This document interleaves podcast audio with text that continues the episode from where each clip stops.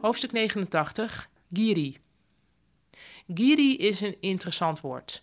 Het wordt niet super veel gebruikt, maar iedere Japanner weet wat het betekent. De plicht die je hebt om tegenover mede-Japanners de harmonie te bewaren. Giri heeft een bijsmaak van een oude samurai-gedragscode, maar in de moderne maatschappij heeft het woord vooral te maken met sociale verplichtingen. Je schoonmoeder heet bijvoorbeeld je Giri-moeder, de moeder aan wie je verplichtingen hebt. Een veelgebruikt woord is Giri Choco. Op Valentijnsdag moeten vrouwen chocola cadeau geven aan mannelijke collega's. Omdat daar sociale druk achter zit, heet het verplichtingschocola.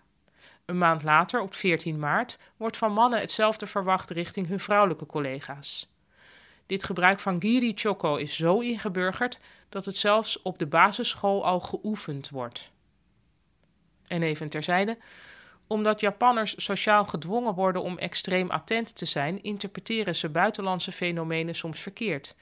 Zo denken sommige Japanse toeristen dat alle bollevelden in Nederland zijn aangelegd om bezoekers welkom te heten. Dus niet voor de bollenhandel en niet eens als een betaalde toeristische attractie. Zij denken dat Nederlanders al die bollen hebben geplant uit onversneden gastvrijheid.